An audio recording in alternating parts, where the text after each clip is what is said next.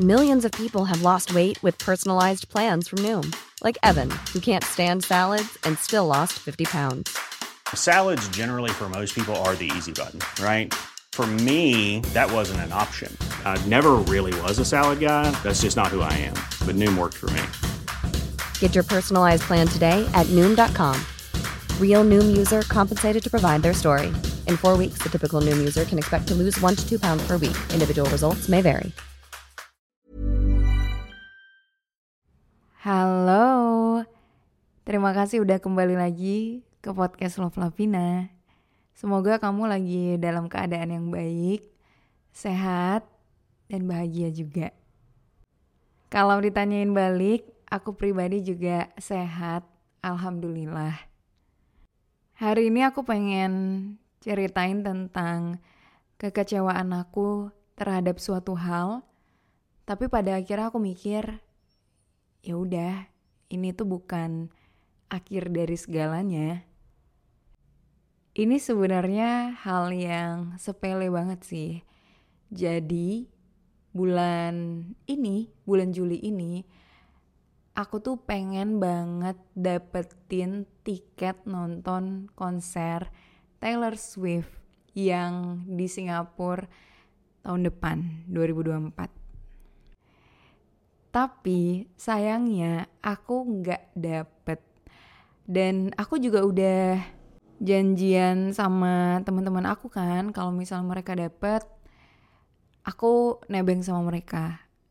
Gitu gitulah intinya aku nggak dapet teman-teman aku nggak dapet adik aku nggak dapet pokoknya aku nggak dapet tiket Taylor Swift itu. Jujur sedih banget hari itu kayak apa ya aku udah lumayan nanti-nantiin gitu si Taylor Swift ini ke Indonesia. Terus aku aku tuh nggak dapet code untuk beli tiketnya. Jadi kalau untuk si Taylor Swift ini kita tuh bakalan dapet email confirmation gitu kalau kita bisa beli tiketnya terus baru kita war lagi untuk beli tiketnya. Nah aku tuh bahkan gak dapet code-nya gitu, jadi emang sama sekali gak ada chance untuk ikut war beli tiketnya.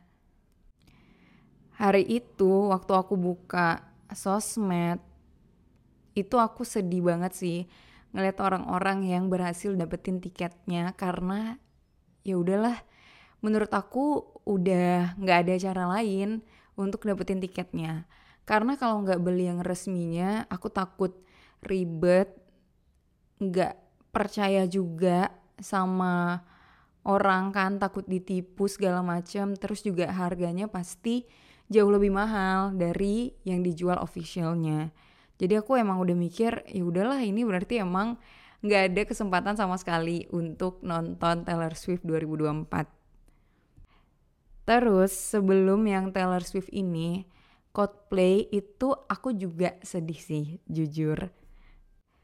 Karena aku sama Daniel sama-sama pengen nonton Coldplay. Kalau Taylor Swift itu cuman aku yang pengen gitu. Jadi aku udah rencanain lah kalau misalnya itu kan tahun depan ya kemungkinan insya Allah anak aku udah lahir. Jadi nanti Daniel bakal jagain si baby aku bakalan nonton Taylor Swift. Nah sebelum itu kan Coldplay tuh. Coldplay itu aku sedih juga soalnya aku tuh udah pernah nonton Coldplay 2017.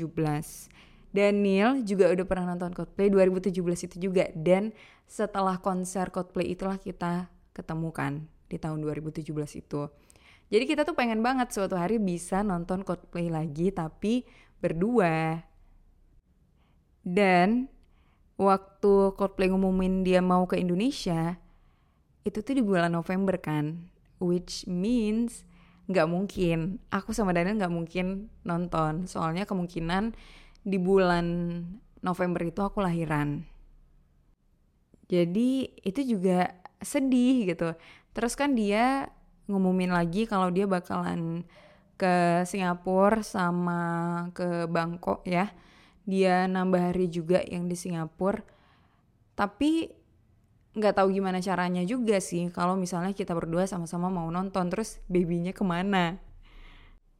Intinya aku sama Daniel udah mutusin ya udahlah nggak usah. Toh kita udah pernah nonton juga masing-masing 2017 jadi ya udah nggak usah. Tapi jujur keduanya ya Coldplay sama Taylor Swift ini waktu tahu nggak bisa nonton tuh sedih sih. Karena nggak tahu juga kan kapan mereka bakal ke Indonesia lagi bakal ke Asia lagi gitu. Dan setlist yang dibawain juga pasti beda kan? Tapi ya mau gimana lagi? Possibility-nya tuh emang hampir nggak ada gitu. Pada akhirnya nih aku mencoba menyemangati diri aku biar aku nggak sedih dengan bilang kalau it is not the end. Aku mungkin emang nggak bisa nonton konser Coldplay dan Taylor Swift 2024 nanti, tapi masih mungkin kan Coldplay dan Taylor Swift bikin konser lagi, walaupun nggak tahu kapan, walaupun belum tentu 2025 mungkin 2026 atau 2030 tapi masih mungkin kan? Aku tuh berharap ya udah ini tuh bukan konser terakhirnya mereka. Jadi masih ada kesempatan lagi untuk aku nonton walaupun ya enggak dalam waktu dekat ini. Tapi kesempatan itu ada kan? Kadang aku emang suka mikir kayak gitu sih kalau aku nggak dapat sesuatu. Pasti sedih dulu mungkin beberapa hari beberapa minggu sedih dulu. Tapi setelah itu aku bakal mikir ya udah masih mungkin bisa dapetin ini besok atau minggu depan atau bulan depan atau tahun depan atau lima tahun lagi masih mungkin jadi salah satu cara aku untuk mengatasi kesedihan ketika aku nggak berhasil dapetin yang aku mau aku bakalan mikir ini bukan akhir. Well, terima kasih banyak udah mendengarkan. Jangan lupa untuk follow podcast Love Lavina di Spotify dan nyalain lonceng notifikasinya. Biar kamu langsung tahu nih kalau misalnya aku udah upload episode terbaru. Kita ketemu lagi di episode selanjutnya with Love Lavina.